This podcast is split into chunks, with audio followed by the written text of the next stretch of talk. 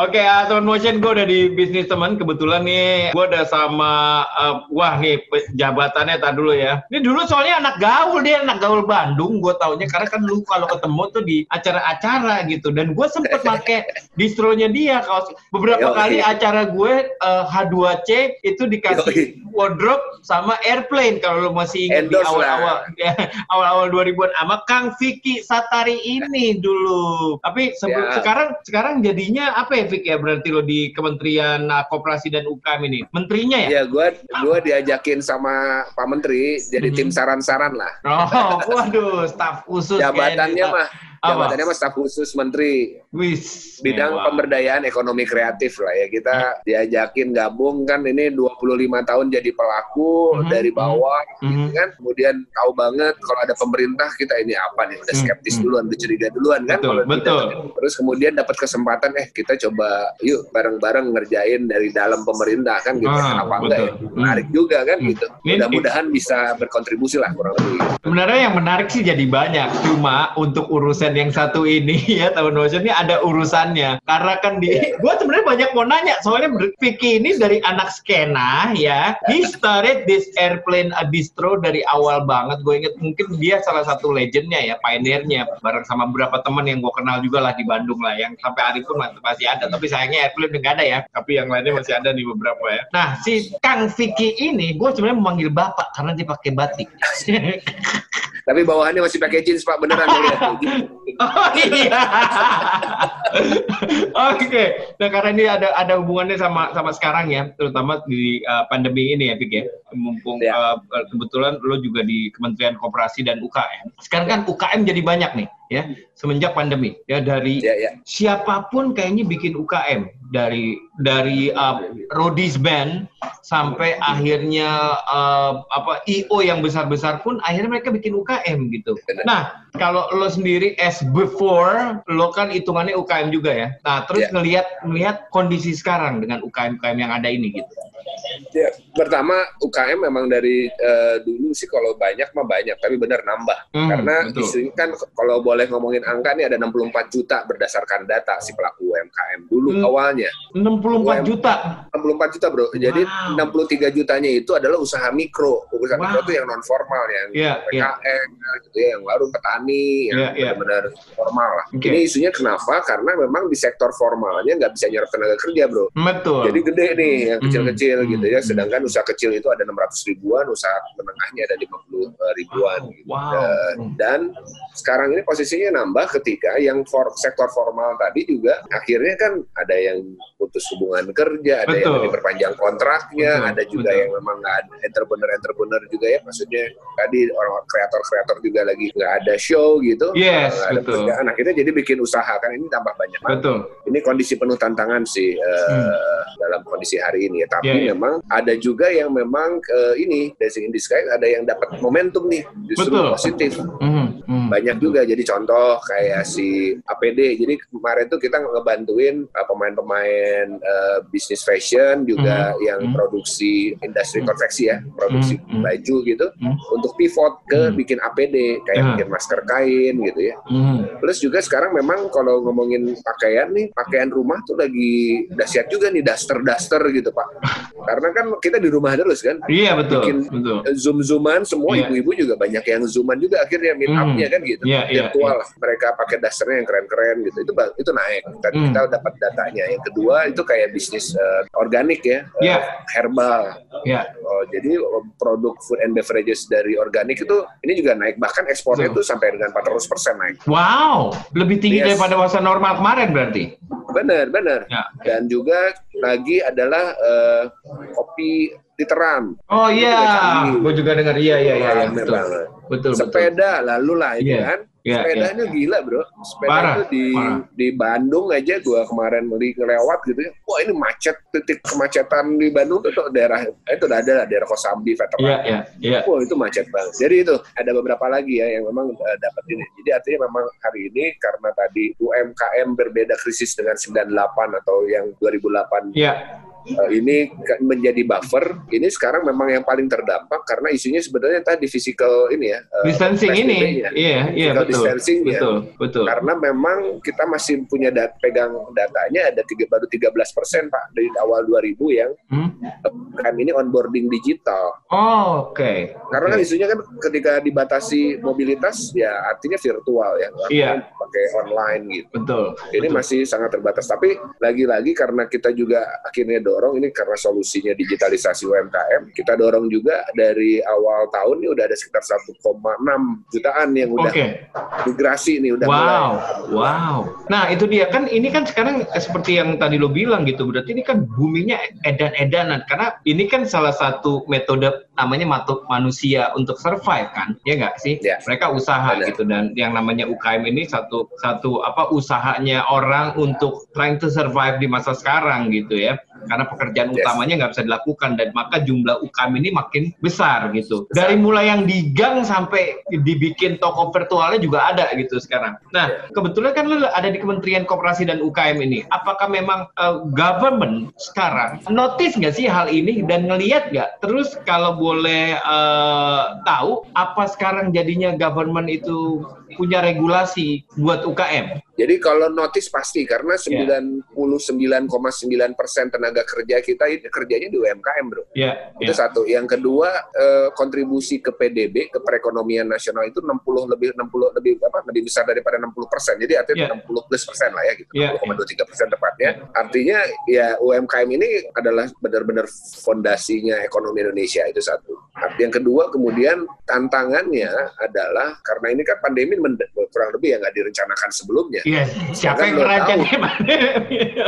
Dan lu tahu sendiri biro, yo, lu tahu sendiri birokrasi, men. Uh, ya, ya which is panjang banget ya memang karena begitu peraturannya dan ya isu keamanan dan seterusnya nggak mudah juga ketika anggaran yang sudah didesain sedemikian rupa sejak apa tahun lalu mm-hmm. kemudian secara cepat harus diubah kan di, di refocusing lah eh, yeah. bahasanya kami yeah. ditarik dulu sama Kemenq dari Kementerian mm-hmm. Lembaga kemudian didesain lagi uh, dibapenaskan untuk perencanaannya sampai ke DPR-nya mhm. persetujuannya mm-hmm. bikin mm-hmm. perpunya kan begitu harus ada undang-undangnya gitu yeah, kan. yeah, betul. dan kemudian ketika disiapkan di desain program yang oke okay, kita butuhkan segera nih dana menggelontor ke masyarakat. Kemudian ada tantangan lagi adalah secara psikis pejabat-pejabat terkait tiba-tiba mendapatkan dana ratusan triliun, puluhan yes, triliun menjadi betul. kuasa pengguna anggarannya, Bro. Jadi penanggung jawab yang di satu orang. Betul.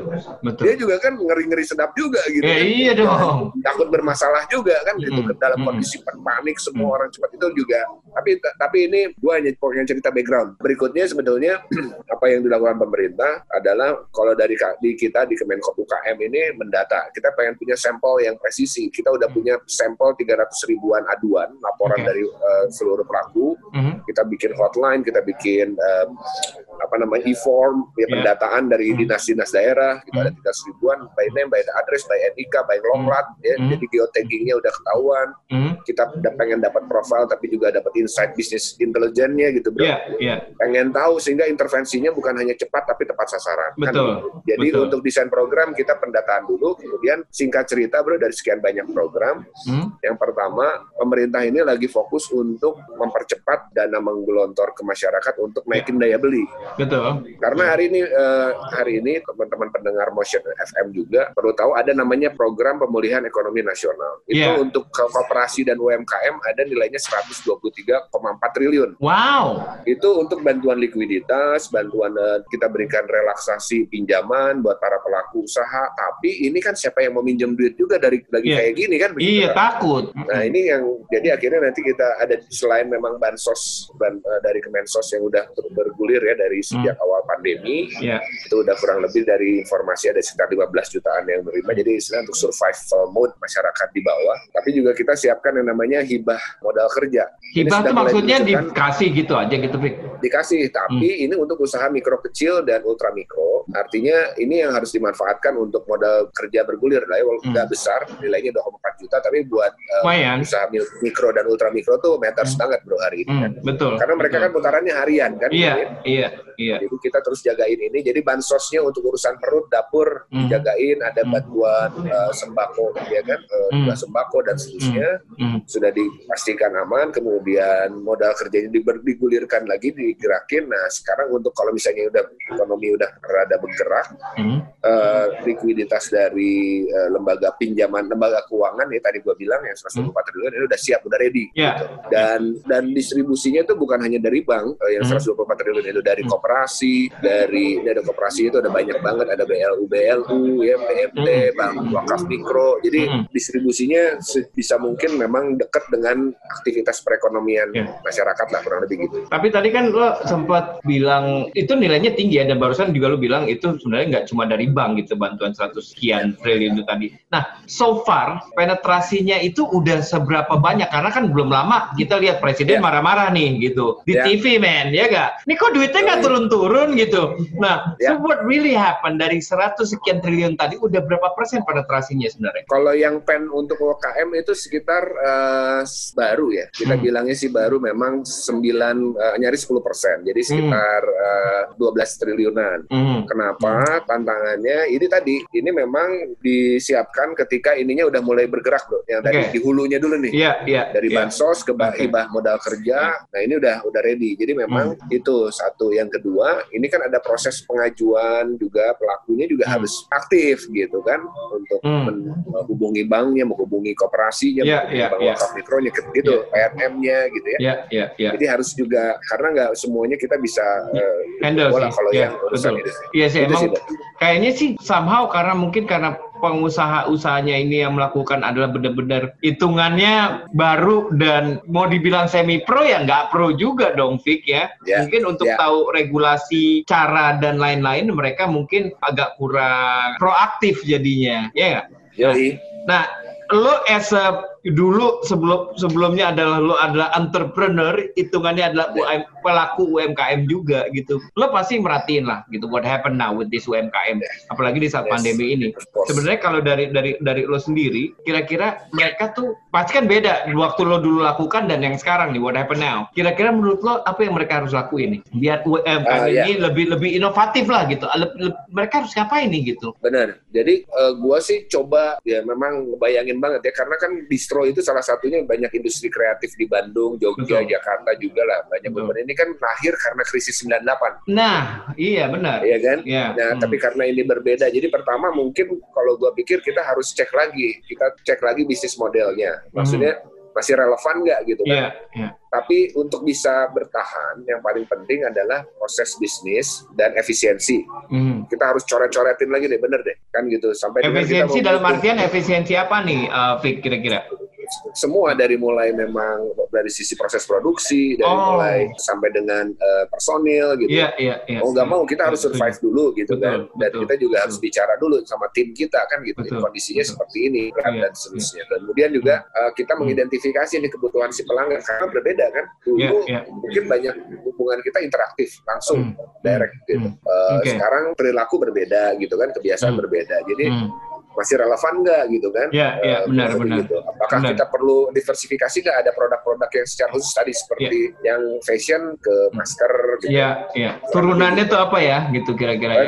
Nah, jadi sebenarnya yang penting adalah harus lebih sederhana proses bisnisnya gitu ya. hmm. ya. Harus terhubung dengan online, dengan digital hmm. gitu, bikin hmm. katalog online. Ya, ya, nah, ini juga salah satu uh, yang kita lakukan adalah membantu UKM itu buka, masuk ke digital itu bukan hanya masuk ke e-commerce gitu. Iya, Uh-huh. Tapi kita sekarang lagi ngedesain uh, e-brochure hmm. untuk UMKM pakai PDF, bro. Maksudnya gimana? Jadi lu pakai sederhana. Nanti kita kita lagi trial nih di Smesco. Kita nanti mau sebarin tutorial di seluruh dinas daerah. Jadi lu punya usaha, lu tinggal bikin katalognya pakai PDF clickable. Jadi nanti oh. klik, jadi bisa di share pakai WhatsApp, pakai anything gitu. Terus juga kita bantu nanti beberapa billboard. Sekarang udah ada 25 billboard, ada QR code. Mereka bisa scan kalau mau ya, mm-hmm. dapat katalognya, bisa lihat, pilih produknya seperti lo ke platform-platform yeah. lah, uh, apa online. Ya, yeah, yang sekarang ada lah ya. Ada, ada gitu.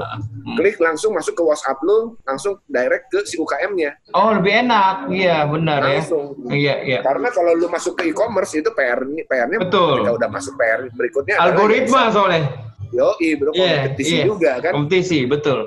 Nah, buat UKM sendiri mungkin yang baru mulai, yang perbutuh info, butuh konsultasi sama lo gini, atau yeah. apa pun pertanyaan buat bertanya kepada Kementerian Koperasi dan UKM ini ke mana, Fik? Ada hotline jadi, atau website? Ya, jadi website tentunya ada menkopukm.go.id.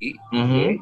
Mm-hmm. Dan uh, si please follow juga ke Menkop UKM, at Kemenkop UKM di semua media sosial. Yeah. Itu semua update sekarang. Kita jagain uh, ya Kementerian Koperasi UKM juga harus kekinian kan gitu ya Pak. Kemudian untuk call center itu office hour 15587. Oke. Okay. Jadi okay. please uh, di sana di website juga bro ada konsultasi hukum gratis, ada konsultasi kalau misalnya mau datang ke Smesco yang di Gatot Subroto di Jakarta, yeah. mm -hmm. itu bisa ada klik ada klinik konsultasi gratis juga buat yeah, UMKM, yeah. ada expert-expert yang standby office hour. Oke, okay. nice. Jadi itu kita benar-benar total nih kayaknya, kayak total ya. ya nice, ya, nice. Oke, okay, nah itu buat teman-teman motion yang punya UKM atau baru bisnis ya, baru memulai usaha untuk uh, trying to survive ini, ini ini satu bantuan yang ya mungkin informasi ini jarang tahu gitu orangnya. Ini Vicky ya. Satari ya pelaku bisnis sebelumnya entrepreneur dan sekarang kebetulan di Kementerian Koperasi dan UKM udah uh, akan ngebantu ini teman-teman semua dan uh, government benar-benar akan membantu kalian ya yang punya UKM. Gue jadi pengen bukuin UKM nih kalau kayak gini. Gue terusin aja airplane harus, bro. gimana. Harus, harus. Lu okay. banyak lah. Lu insight-insight banyak bro. Dari mulai hidup sehat, mulai sepedaan. Itu jadi yeah. bisnis bro. Bisnis konten bro. Ayo. Iya, ya. Oke gini deh. Ini, ini karena uh, waktu sangat terbatas, gue pengen banget ngobrol sama lo lagi, uh, Vic. Kita bikin webinar apalah namanya biar orang kita kumpulin mau nanya langsung nah. boleh Vic gimana setuju gak? Ayo oke okay, kita bikin oke okay. Kita obrolin ya kita ketemuan obrolin sama si John juga oke okay? gimana setuju ya? Uh, John oke okay. siap siap siap oke okay, Vicky thank you ya Vicky ya Thank you bro. Thank you bro. Thank, thank you, you. semua teman-teman. Thank you semua dan sukses. Oke. Okay. Bye. Thank you. Bye.